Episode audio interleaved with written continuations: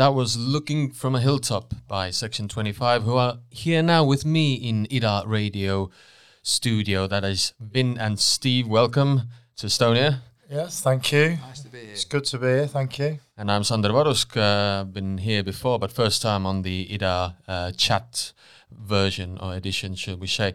That, that was a very cold welcome, isn't it? It's uh, it's minus what, like ten now or something. Was that a shock? Yeah, it's a shock to the system, but we'll cope. Um, Yeah, I'll buy a coat tomorrow. pretty fresh out there, isn't it? Yeah, well, at least it's uh, it's um, refreshing, is sobering, we should say. Um, the, the closest you've been here is is Helsinki, right? Yeah, Ages Yeah. ago, right? a long time ago. Yeah, yeah. Was it that cold then? There?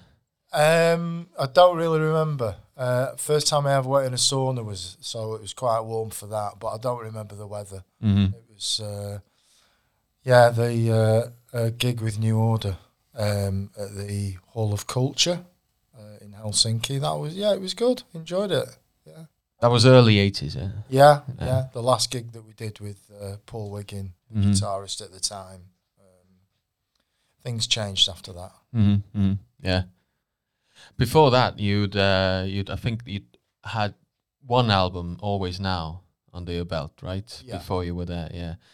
And um, there's been, there's been loads of talk. There's been so many documentaries about you know that whole Factory Records uh, mayhem that was going on, and uh, and about Martin Hannett, who was your producer. Yeah. and uh, and so um, would you would you have some recollections of, uh, of working with, with Martin Hannett in such an such an early early phase because he was pretty new to this whole thing as well and Ian Curtis helped out as well didn't he Yeah, yeah. Ian uh, and Rob, the, the manager of Joy Division, mm-hmm. Rob Gretton Uh, yeah yeah. yeah yeah, they they helped with production on the first single, um, and then after that, um, the way things went was Martin kind of became the house producer for Factory. mm-hmm. Sort of pretty much expected that everything he that came out would be produced by him. So naturally, uh, we did a lot of work with him uh, on different things, mainly the album, the first album, Always Now. And um, but I've got good recollections of working with, with Martin. It was productive, you know. mm but, but he wasn't the in-house producer then or was he already kind of Well, well, he, he became, uh, in, in, Yeah. you know, uh, it, that that that's how it felt anyway. You know, it was Mhm. sort of um, Saville was going to do the artwork and Martin would do the production. Um, you know, I mean, some people have said their experience of working with Martin was that it was quite difficult, Mhm. even dare I say unpleasant at times. But Mhm. that wasn't the case for us. oh good okay yeah. It wasn't the case at all. We we we had a good working relationship with him. Mhm. Um, he said to me that, in his opinion, with the bands that he worked with, especially bands that were doing the first album, that the extent of their ambition, production-wise, to, was to get a good, like live recording, almost like a good uh, recording of a good gig, um, and excuse me, he wasn't interested in that. He wanted to do something different Mhm. um, and that's what he did. And I think sometimes when that happened with bands, especially doing their, their first uh, experience in a studio, it kind of blew their minds a bit because it wasn't going the way they were expecting it to go. Um, especially what he was doing with, with the drums and stuff. Uh, but we kind of just we, we thought, well, Martin's there to do a job. Let's do it. Let him do it. You know. He was left to his own devices, really, wasn't he? To, Yeah. To produce whilst the bands weren't there, and the bands would get the result, and perhaps they wanted the live sound, but they got the Martin Hannett sound. I guess they were the factory was rather relaxed with all, all sorts of you know they they didn't really come to the studio and tell you what to do right it was it was all like Well, yeah, they they had Tony uh, will have had enough confidence in Martin to leave him. He, that he, what he would do would be good, uh, and the agreement. Well, it was the deal was that that uh, Peter Saville would do the artwork. That wasn't. They were more. They had more. They put more controls on the artwork than than on on the, the sound. If, that, if that, that it sounds crazy, but that's how it seemed at the time you know, and with Martin, there's like stories of him saying to guitar players, "Well, play play faster but slower," and you know all that sort of stuff. And he never did it. I mean, with one time, I do remember we kind of freaked him out because our uh, the guitarist Paul um, was going to do an overdub. In this, this was at a, a studio called Britannia Row. Quite, it was Pink Floyd's studio, really palatial, you know, beautiful studio. So uh, they set Paul's equipment up in this little booth in, in a glass case, you know, shut the door on it, and, and uh, they put some headphones on him and, and so we'll, we'll play you the track. Just just give us a, a wave when you're ready. And he and Paul said, no, I don't. I don't want to. I'll, I'll do the guitar overdub, but I don't want to listen to the track while I'm doing it. and mine said, what? What do you mean? said, no, no, it. I don't need to listen. I'm just going to do what I do, and then you know you you can record it onto the track, and I'll listen back to it later. So you know we got our own back on in there. yielding experimental results then. Yeah, and it was good. Yeah. Were, were were you initially going in, a, in another direction before actually going to the studio? Was was there a or, or, or did this post punk thing was that already that that sound of the day was that already kind of established before you went into the studio? Um, yeah, I suppose with the first album, because of the way it was with the, it, you know, it was a big twenty-four track studio. Big.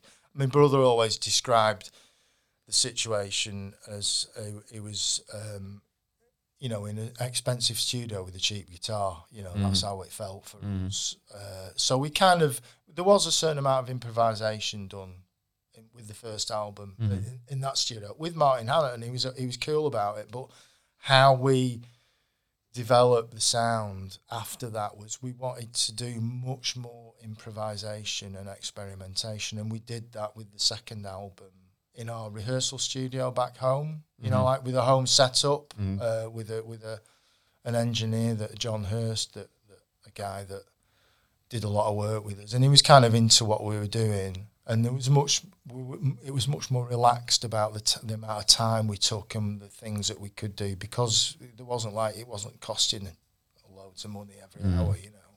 So the second album, The Key of Dreams, mm. was kind of a bit more like what where, where we were at as a band, what we wanted to do, which was right, much more okay. improvisation. Yeah. And I, I, to be honest, this term post punk, I didn't even know what that meant. If you'd have said to me the word post punk, then I wouldn't have known what you're on about. That that was probably something that was only in the NME then. you know, Probably, yeah. It was just what we were doing at that time, you know. Yeah, it's kind of a catch-all phrase now, isn't it? Like Yeah, for- well, yeah. basically anything that happened after The what, post punk 77. kind of stopped, really, I suppose, when the sort of uh, looking from a hilltop from the hip Mhm, mhm. kicked in from the sort of danceteria sort of dance sound. You know? Yeah, And then it became like the hallmark for the house sound with Yeah. the 808 drum machine and the 303 bass lines. Yeah. It was the sort of archetypal sound for acid house. But Mm-hmm, before that, nobody really talks about post punk. It was many years later when people gave the description, you know, I think. Yeah, yeah, it's it's about the 80, 82 to eighty four when it kind of really started changing more more drum machines, more synths, right? That was that was around the time after Key of Dreams. There was a break as well uh, before you know uh, what we just kicked you know uh, kicked off with uh, the the first song. Yeah. From uh, there was a there was a big big change really in the sound, and um, and that break that was that wasn't a long break actually. There was uh, only a couple of months. Yeah, maybe six months. We did we did a gig as a, after Paul the guitarist left. We we we kind of had uh, backing tracks uh, and a percussionist playing. Yeah. and we, we we did quite a lot of gigs in that format for a year or so, and then the last gig we did as that group was at the Hacienda, and Matt, it was just. Uh, can I swear it was just shit, you know. Okay. We, me and my brother worked. We we wanted. We, we really need to do. You know, we want to do something different, and we just took six months out and bought the best equipment that we could, just wrote and wrote and wrote. So, so at that particular gig in the Hacienda, you felt yourselves that uh, like the music you did wasn't wasn't. Well, yeah, I mean, it, well, No, I don't mean from the point of view. Of, I mean, maybe the the audience it seemed to go down okay, but Okay. just for us, we felt like we'd exhausted. Needed to move on. Yeah. Yeah, Yeah. yeah. I think the tribal sort of approach of real live sound was sort of going into a more sort of dance sound, uh, industrial dance at least, you know. But as I say, you know, the instruments that Section 25 were using Yeah. um, were a lot less to buy than the people that were using the expensive stuff in like Danceteria studios, and they were very expensive. So it, the street sound of house was off the back of like what section we're doing. They wanted stuff they could grab hold of and quickly get on stage with, and, and it gave a new sound. And most of the o- other artists who were bigger used more expensive things which no one could afford. Yeah. So the sound was probably there, yeah. Mm-hmm. And that was the feeling at the time. The 808 was perhaps the most exciting game to play in the 80s. Probably still is, you know. It is. Yeah. It's still very kind of in fashion, or again in fashion in hip hop at Yeah, least. You know. yeah, it's loved by everyone, you know. Yeah. Well, um, let's have a listen uh, to more Section 25 for a bit. Uh, why don't we have Girls Don't Count was uh, that first single, wasn't it? it was. Yeah. so Produced we'll, by Ian, yeah. yeah, Ian, Ian as well. Yeah. So uh, we'll have a listen to that, and we'll be right back with more chat with Section 25.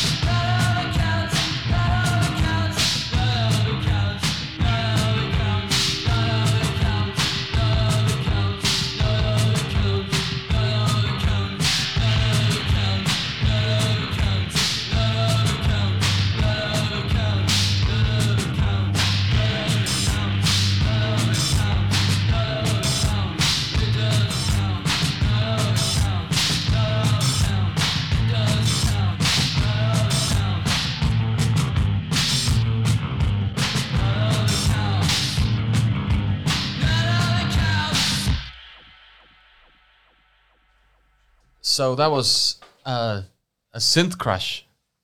Uh, yeah, that the yeah the, the synth drum on Yeah. on that over the snare on that mix was the one that because you were asking about Ian helping us Mm-hmm. producing in the studio. He, he brought Steve's brand new synth drum that he just got into the studio on the second day, so I got I got a chance to use that, and uh, yeah, it was good fun. I got one myself after that. Yeah. Steve, Steve Morris was already. Uh, I mean, New Order. They were already pretty much uh, using using uh, drum machines by then. Uh, no, st- t- well, this is this is Joy Division, so this is before. Well, yeah, this is before yeah. New Yeah, Order. okay. Yeah, uh, Steve was just stuck behind a drum kit. Oh yeah.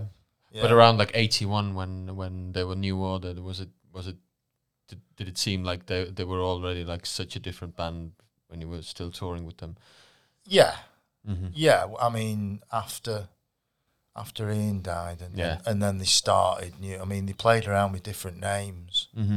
Mm-hmm. about what what what to do, and they were sort of throwing names around with us, like, what do you think of Khmer Rouge? Who were, I don't know if you know, they're like this murderous group from Southeast Asia. Paul said, probably not a good idea.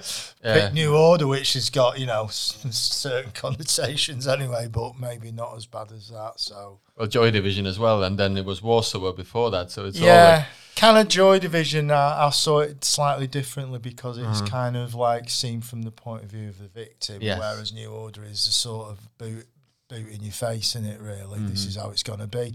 However, what we're talking about with the band New Order, when the three of them, I mean, they were very early on. They were they were like changing who was going to do vocals for certain gigs and stuff. It was so fluid about what they were going to do, but what they were doing was kind of different. Although I suppose there must have been some songs they had spe- saved from Joy Division that they were sort of using. mhm. Um, ceremony in a lonely Yeah. place. Yeah. I mean, yeah, we, yeah. These were already they did a gig in Blackpool, our hometown, and I Mhm. think that was the second or third gig they'd ever done. mm, You know, They were tipped in the Melody Maker in May of '81 as being the new Pink Floyd at the time.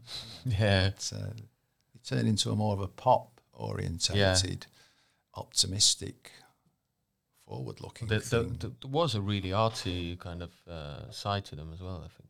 Absolutely, with Yeah. Peter Saville doing Uh, all especially, yeah, sleeves, yeah. It, it was a work of art in itself, just owning it. kind of a Um, mystique as well because there wasn't much you know showing your face on covers or interview not many interviews and I suppose ni- neither did you kind of have a band photo ever on on any album cover like it was always like uh, I, I suppose that goes with Saville's design as well it's it's got to be kind of pop art doesn't it it's atmospheric, isn't Mhm. it? And it's uh, open to interpretation. But Yeah. yeah, indeed, it is uh, interesting. And that's what you felt like when you bought these records and listened to them. yeah, yeah, yeah. Absolutely.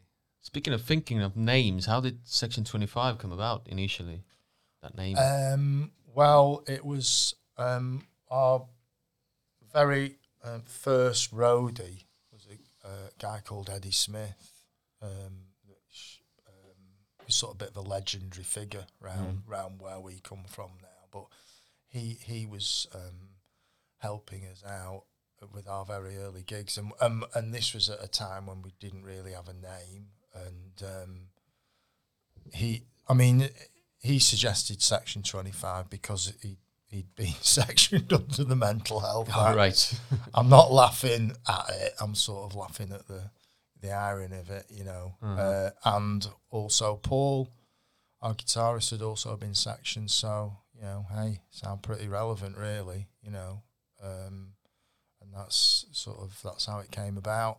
These were the issues punk addressed, though, isn't it? yeah Honesty, Oh, this wasn't ever in lyrics before that in the seventies. Absolutely. yeah. you know. like real life. I suppose you got to look at it in a kind of a fun way, and make it fun. You know, use the name. Well, I, I like I like, it, and I think it has especially um, fitting because Mm-hmm. we were one of the first bands on Fact. And I mean, you got Joy Division, Division, right? Mhm. And you got a certain ratio Yeah. and section. You know, they're all sort of like uh, um, like measurements or you know Angular. very, very Angular, sort yeah. of Yeah. scientific. Now, That's what Tina Weymouth, Mm-hmm. the talking head, said. I love your English bands. Your names are so scientific. Yeah, and I suppose that's what she meant. You know. So, Uh, talking heads would probably love that. yeah, yeah. I always thought a certain Ratio's, may- correct me if I'm wrong, I always thought certain Ratio's name must have come from a Brian Eno song, actually. Uh, I think you're right there. Yeah, Yeah, yeah, I think that's where that came from. Yeah, yeah. from uh, like early Eno after after Roxy Music. Yeah, In Durutti Column, you know. yeah, yeah. You know, it's all all that sort of area, isn't it? You That was the style. Yeah, yeah, yeah. Speaking of style and, and Saville, Peter Saville's names come up quite a few times. He, um, how much did he design Section 25's work? uh, all of it. All of it, yeah. that came out on factory. Well, certainly in the early early part, uh, and Yeah. the, the later stuff would have had his approval. Mhm. Dark, much. Dark Lights, one of the later section albums. Peter Saville design. Mm, okay. Because I also also did notice that uh, he did a kind of a remixed or however you would rightly call it, a, a version of From the Hip, because when, when From the Hip was reissued in uh, about 2012 or something, he, he w- He wa- reworked he, it. He, he was involved in that. Yeah, Okay, yeah, yeah. because the label thought it was really important Mm-hmm. to not just. To, to involve, you know, to out of respect as well, not Mm. you know, to uh, and and so he his team went, you know, helped with that, Mm. uh, and, and he got his sort of his, his seal of approval. Um, I've always liked Peter Saville. Yeah. You know, maybe not the most speediest person to get stuff done. You know. That's the like- legend, isn't it? That is always late. Yeah. Well, it's true. Yeah. Know, it's true. You know, we'd be you'd be waiting quite some time. I mean, Larry, uh, my brother gave some input on um, on on on always now. You know, on Mm. the sort of themes that he wanted to be represented, and um, I think Peter took it on board. You know, incredibly expensive, beautiful, beautiful piece of Mhm. of artwork, but Mhm. it was quite expensive hmm you know, terms of it being probably the most expensive album cover ever made. Yeah, yeah, So I think, you know, certainly take that box. But That was the idealism, wasn't it? yeah, but what the hell, you know, it's, it's That's, that's why thing. Blue Monday didn't make any money as a 12 inch either, did it? 'Cause the- Idealism Yeah, again. yeah, yeah. Uh, Well, they didn't find out till later on, and then, like Yeah. they, they, you know, they had a they had a heart attack when they found out. Yeah. But somebody just obviously just forgot to tell them, you know. But it was brilliant. What a sacrifice. Yeah. Great for us lot. you know. And, and the sacrifice yielded the, I think, still the most sold 12 inch of, of British history. Yeah, 12 inch s- single, yeah, yeah. yeah, That's right, was. It, I mean, before that, I think it was Turn the Music Up, the Players Association, and then Mm. Blue Monday just took over big time, and yeah. that set the mood. How much did you really? How much were you involved with with Saville, uh, or or was it at one point he would just come up with something and and you would go, yeah, we like it or not? Well, um, the, I'll tell you, the, the, the involvement would be would be Larry maybe writing a letter with some suggestions. You know, I want sort of a European feel to it with some, you know, some psychedelic aspect, like literally a couple of sentences, which um, that that'd be it. But um, Tony was very, very particular about about specifically about the visual side of it. You It know, was Tony more so than the band. yeah, Oh. yeah, yeah. Mm. But fortunately, you know, it was all pretty. It was all it was all good, you know, and you know, Peter had his special coding later on with how you know spelling out certain words and stuff with the coloured poles Oh, yeah, and yeah, things yeah, like that, which which he also you know he developed that with other other covers for other people as well. I think notoriously, again, New Order comes with um, uh, Power, Corruption, and Lies. It had the Yeah. I think sim- symbols for the for the band members. Yeah. What what you've got to remember is that for the bands, the mu- the, the what they were doing was was that was their whole thing, right? But for Tony, he had his TV career, and Factory Records was kind of like his his train set that he, hmm. that he that he. I mean, I don't want to trivialize it, but it was he always had. He always had the, his other part of his career, you know, and so he could probably afford to take risks with it, you know, Yeah, and and maybe if things cost more than perhaps they should have done, it wasn't so much of a problem for him because he he still had his career, you know. Mm-hmm. But it would maybe impact on on the musicians to a certain extent. But then, you know, it's like I've said before, you're left with that legacy of like such beautiful, brilliant, well, the works of art, aren't they? Yeah, yeah, You yeah. know? Yeah, this whole period, all these bands. But Yeah. did you did you sometimes feel during that time that, you know, yes, there is a lot of freedom to create and there's a lot of good people around you, but that that maybe Wilson or, or the way factory work would have been a bit frustrating in that it's it's you, you could have maybe wanted more like funds to the band rather than a very expensive piece of art or, or something or, or Yeah. the club you Yeah. know Yeah, I mean, uh, um, I, I, I, I totally agree with that, you know. Um, but that was just how it was, you know. That was the way it was with Factory. It was idiosyncratic, you know. And um, maybe if if their accounts department had been as good as their graphics department, things Yeah. would have been different, you know. But then if they had, they wouldn't have been Factory, would it? yeah yeah sure You know. yeah It's all newsworthy stuff, you see. Even if it failed, it was still Mm-hmm. newsworthy. And Tony Wilson had his name on it, you know. And the whole thing is an interesting concept, you know.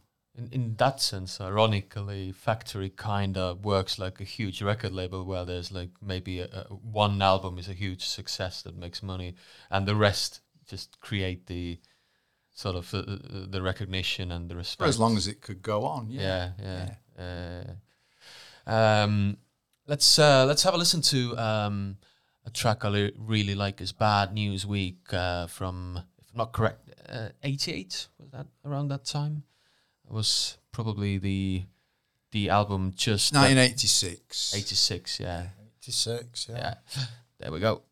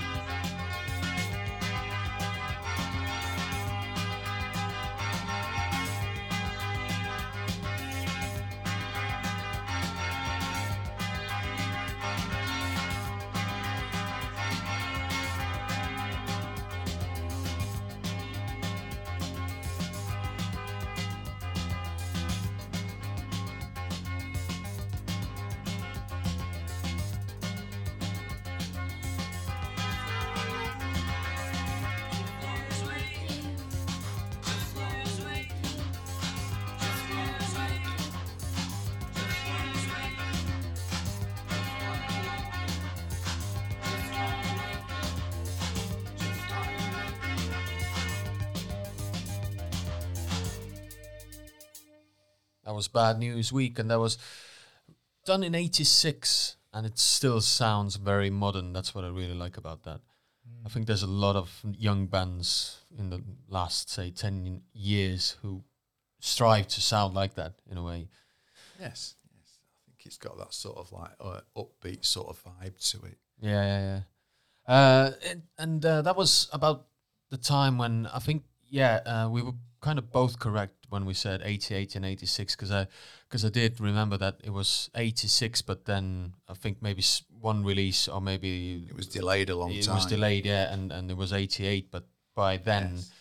Init- the initial section 25 sort of run had ended Mm.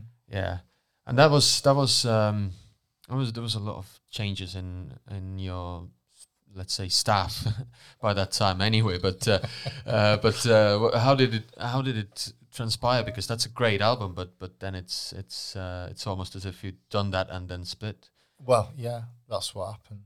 Well, I mean, we we um, recorded half of the album Yeah, as what I as a demo, uh, and then through one reason and another, I I, I left the band at that point.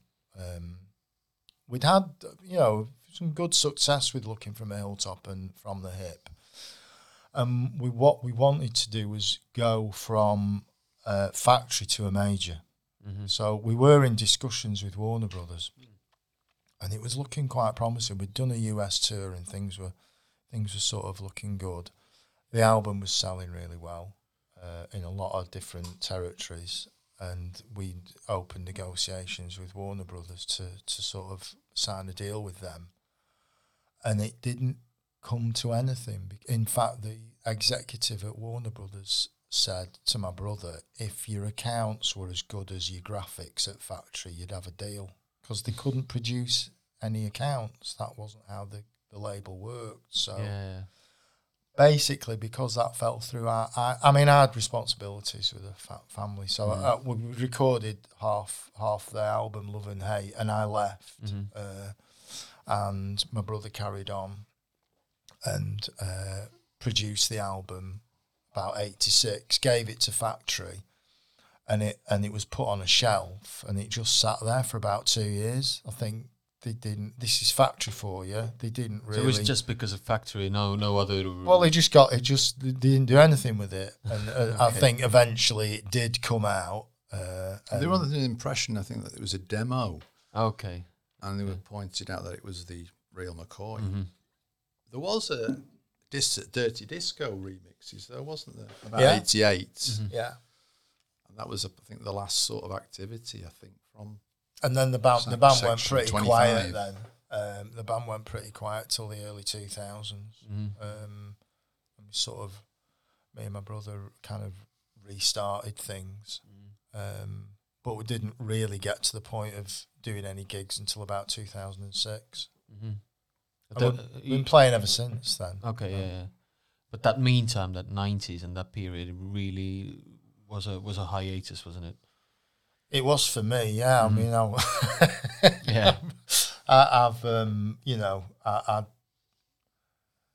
I went through quite a lot of personal stuff myself in terms of uh, you know I, I I went into rehab I got clean and sober um, so I didn't really feel for me personally able to sort of get involved in music again for quite some time because I was still in early recovery Mm-hmm. and a lot so much of my my um, drug history was wrapped up in music and it was just Yeah. part of the territory you Yeah. know Yeah. and that was um, it was it wasn't until quite some time later Mm-hmm. that I felt able that I could I didn't even well, when I first got clean I didn't I couldn't even listen to music Mm-hmm. I mean on on the radio or anything it just it just did you know it just did stuff to me so it was quite quite a journey but well, did our first gig about 2006 with my brother Yeah. and um, you know we've carried on since then you know And that that work really kind of, or, or Section Twenty Five kind of came back in a way uh, early 2000s, wasn't it? There was there was some attention already then. Yeah, Yeah. yeah, but the I mean, I was talking to Steve about this. It was, you see, when we first got to, started to get things together in the early two thousands, my brother's then wife Jenny, she was involved in well as well to a certain extent, but sadly she got ill hmm and passed away. Yeah. Uh, and then, you know, obviously nothing's happening then. And then my brother, it was quite a while before he felt able to sort of even think about doing anything again.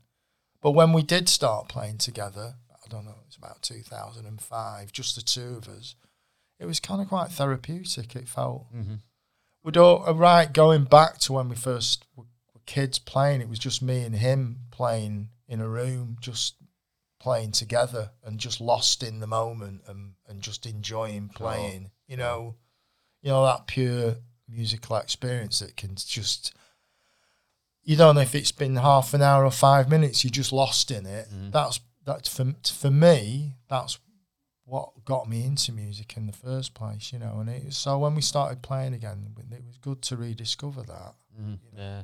I saw them Problem- the first gig, the Hub, very good, 2006. It was totally on form, just like the early days, you know. Oh, good.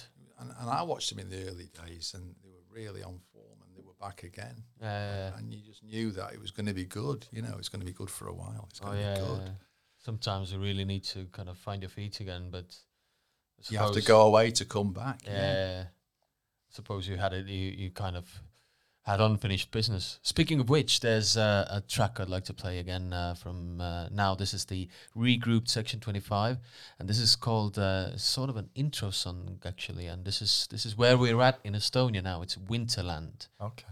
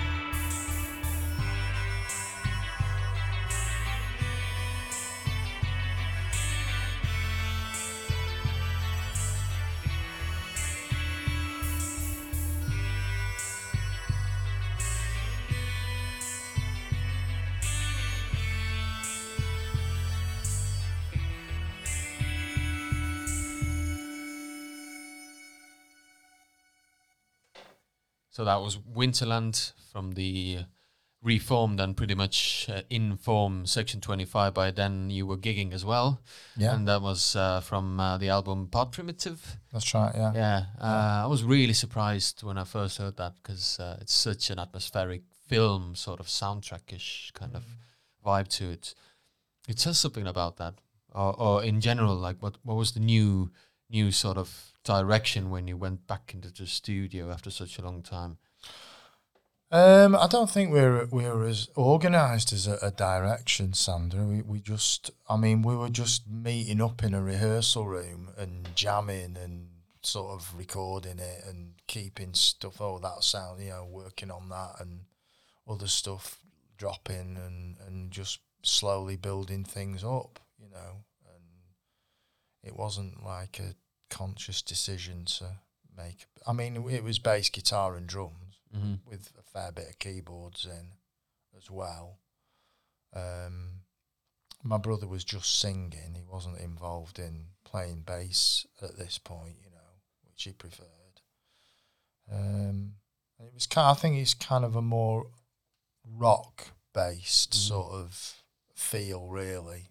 The rest of the album definitely. Yeah, Yeah. yeah, quite a rock, rock but but that that was kind of where we were at at that time, you know. Mm-hmm. Um, then later on, it w- went maybe a bit more into sequences and drum machines and stuff, you know. Mm-hmm.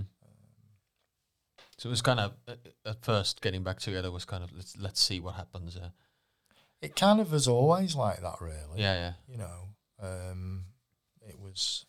We've al- we've always ch- changed and and wanted to change things around because just for y- your own sort of satisfaction and, and what you get out of it, you know. Um, so we've never pin, pinned ourselves down to one particular. I think the nature of recording with the metronome is that you can do as many remixes as you like. Mm-hmm. If you do something without a metronome, you only get one mix. Yeah, that's true. Yeah, So it's which one you decide to do. unless you're not human but a machine. Well, you know, if you can um, keep the groove going and it and it and it might deviate a little, it, it might not matter. yeah, yeah, yeah. But you know, at the end of the day, lots of people like to change the arrangements and do it another way and another way, Mm-hmm. and uh, it's entirely up to the artist. You know, Mm-hmm. Yeah, all of those new albums are really cohesive, I'd say.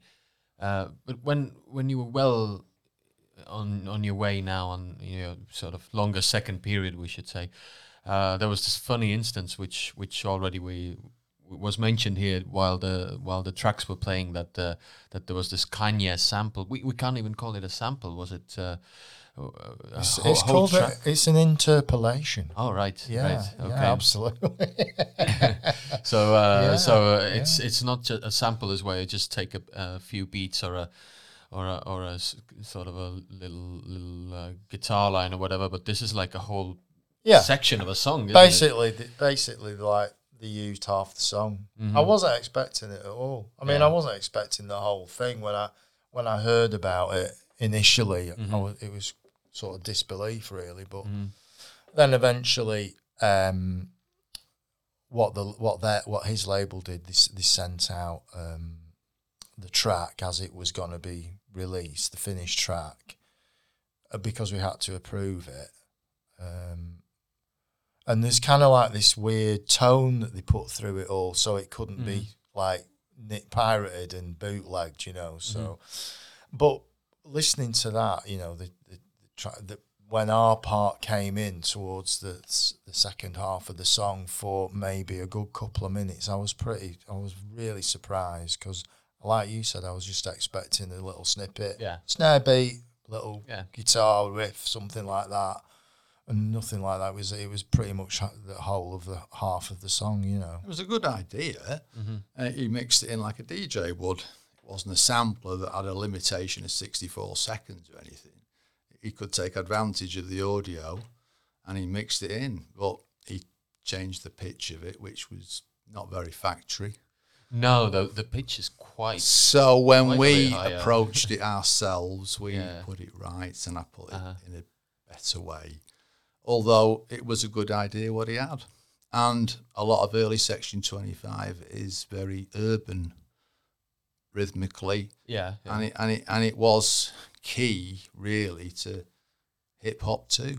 yeah. Again, there's the one of the links is the 808 machine. 808 machine, yeah. and, and the way Vin played his drums on Mhm, mhm. hits um, and that particular era babies in the Bar bardo it was it was moody it was slow it was urban and, it, and in a way hip hop too yeah, yeah. what it was to become and um, Kanye seized the great bits although he dressed it up in his own way not a way we'd have done it or Vin would have done it but uh, it's better He had, he, he used he uses quite a few producers on Yeah. the track, and and one of them on this particular track was a guy called Midas, I think, and my nephew, who is um, my brother's son, just contacted on on Instagram. Uh, just on the off, and he actually got a reply, sort of saying, how, how, "How did this come about?" And he said, "Oh, Kanye just came into the studio one night with the album under his arm and said, I want to use this track." Simple as that. So I think that's a good analogy, said Steve. That it's it, it, he indeed does use it as a DJ because the song sort of does its thing, and then suddenly that bit comes in in the end, which Some, is something that was from the past, which works just as well today as it did then. Yeah. Great. yeah, I like the lyrics as well because Yeah. apparently for Kanye it's quite introspective. The lyrics yes, on that song, yes, yes. you know, thinking about his situation. The lyrics are really good. It's a really good song. I listened to it over 100 times doing it, and I thought these lyrics are really good. Yeah. And I don't know anything else by the man. I don't listen to him. But Yeah. that track I did, and um, I like it. Well, I recommend. He's a, he's a great artist. Let's have a little snippet, a little listen to that bit we're talking about so listeners know what we're talking about. That's off of Kanye West's uh, uh, Life of Pablo, and it's called FML. It's the bit with section 25.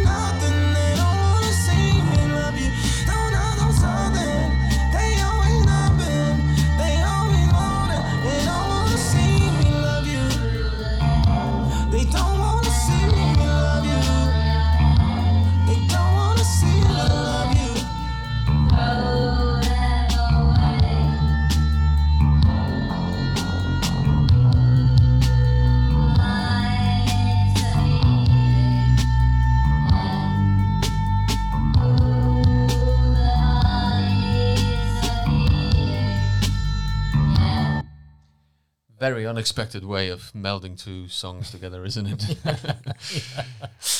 Yeah, I'm not so sure my brother would have approved of what they've done to his voice, but I couldn't not approve the song because um, you know it was with his kids would have benefited as well. So, Sure, and yeah. he wasn't around anymore, so hmm you know it was the best thing to do. have to compare it to the other one Yeah, on Electra. good. I, I'd r- I'd rather go for that one. so um, you've been uh, we've uh, kind of have uh, a few minutes just to wrap it up, but uh, right now Section Twenty Five has been touring pretty much, well, COVID permitting, uh, quite well now in recent years. How, how's it been touring outside of the UK? Well, we've been to Vienna. That's Uh, where the live album is done, isn't Yeah, it? yeah, yeah, that was that was really nice. Yeah, it was a good Um, album. It was a good, uh, good journey as well. It was a good experience. That was just before, um, in about um, is it October to 2019, Mm-hmm. and um, we did other gigs in the UK, and then everything went into shutdown Yes. with COVID, and um, we had to observe the rules. You know. Mm-hmm. You just about got in there, and it was released. Yes, that's right. Yeah, we, yeah. we were really optimistic. Things were happening, and all of a sudden, it, everything shut down. Yeah, Yeah. yeah. Well, hopefully it isn't again, and uh, and here you are. Um, is there anything to expect tomorrow that is maybe some kind of surprise, some kind of different track or something that you usually don't play or Yeah. Yes. Yeah. oh yes. Yeah, there's some new material okay which we're sort of giving it giving it a go tomorrow night for the first time. Yeah. So we're quite pleased about that. Excited to be doing it. Um, Still looking forward. yeah, good excited to hear that yeah, yeah and and there's there's uh, a possibility of you soon going back into the studio maybe maybe recording all of these new tracks maybe yeah. looking In forward new- to an album new year, yeah, yeah. Okay. We've been talking to a, a label, and um, I want something out on vinyl.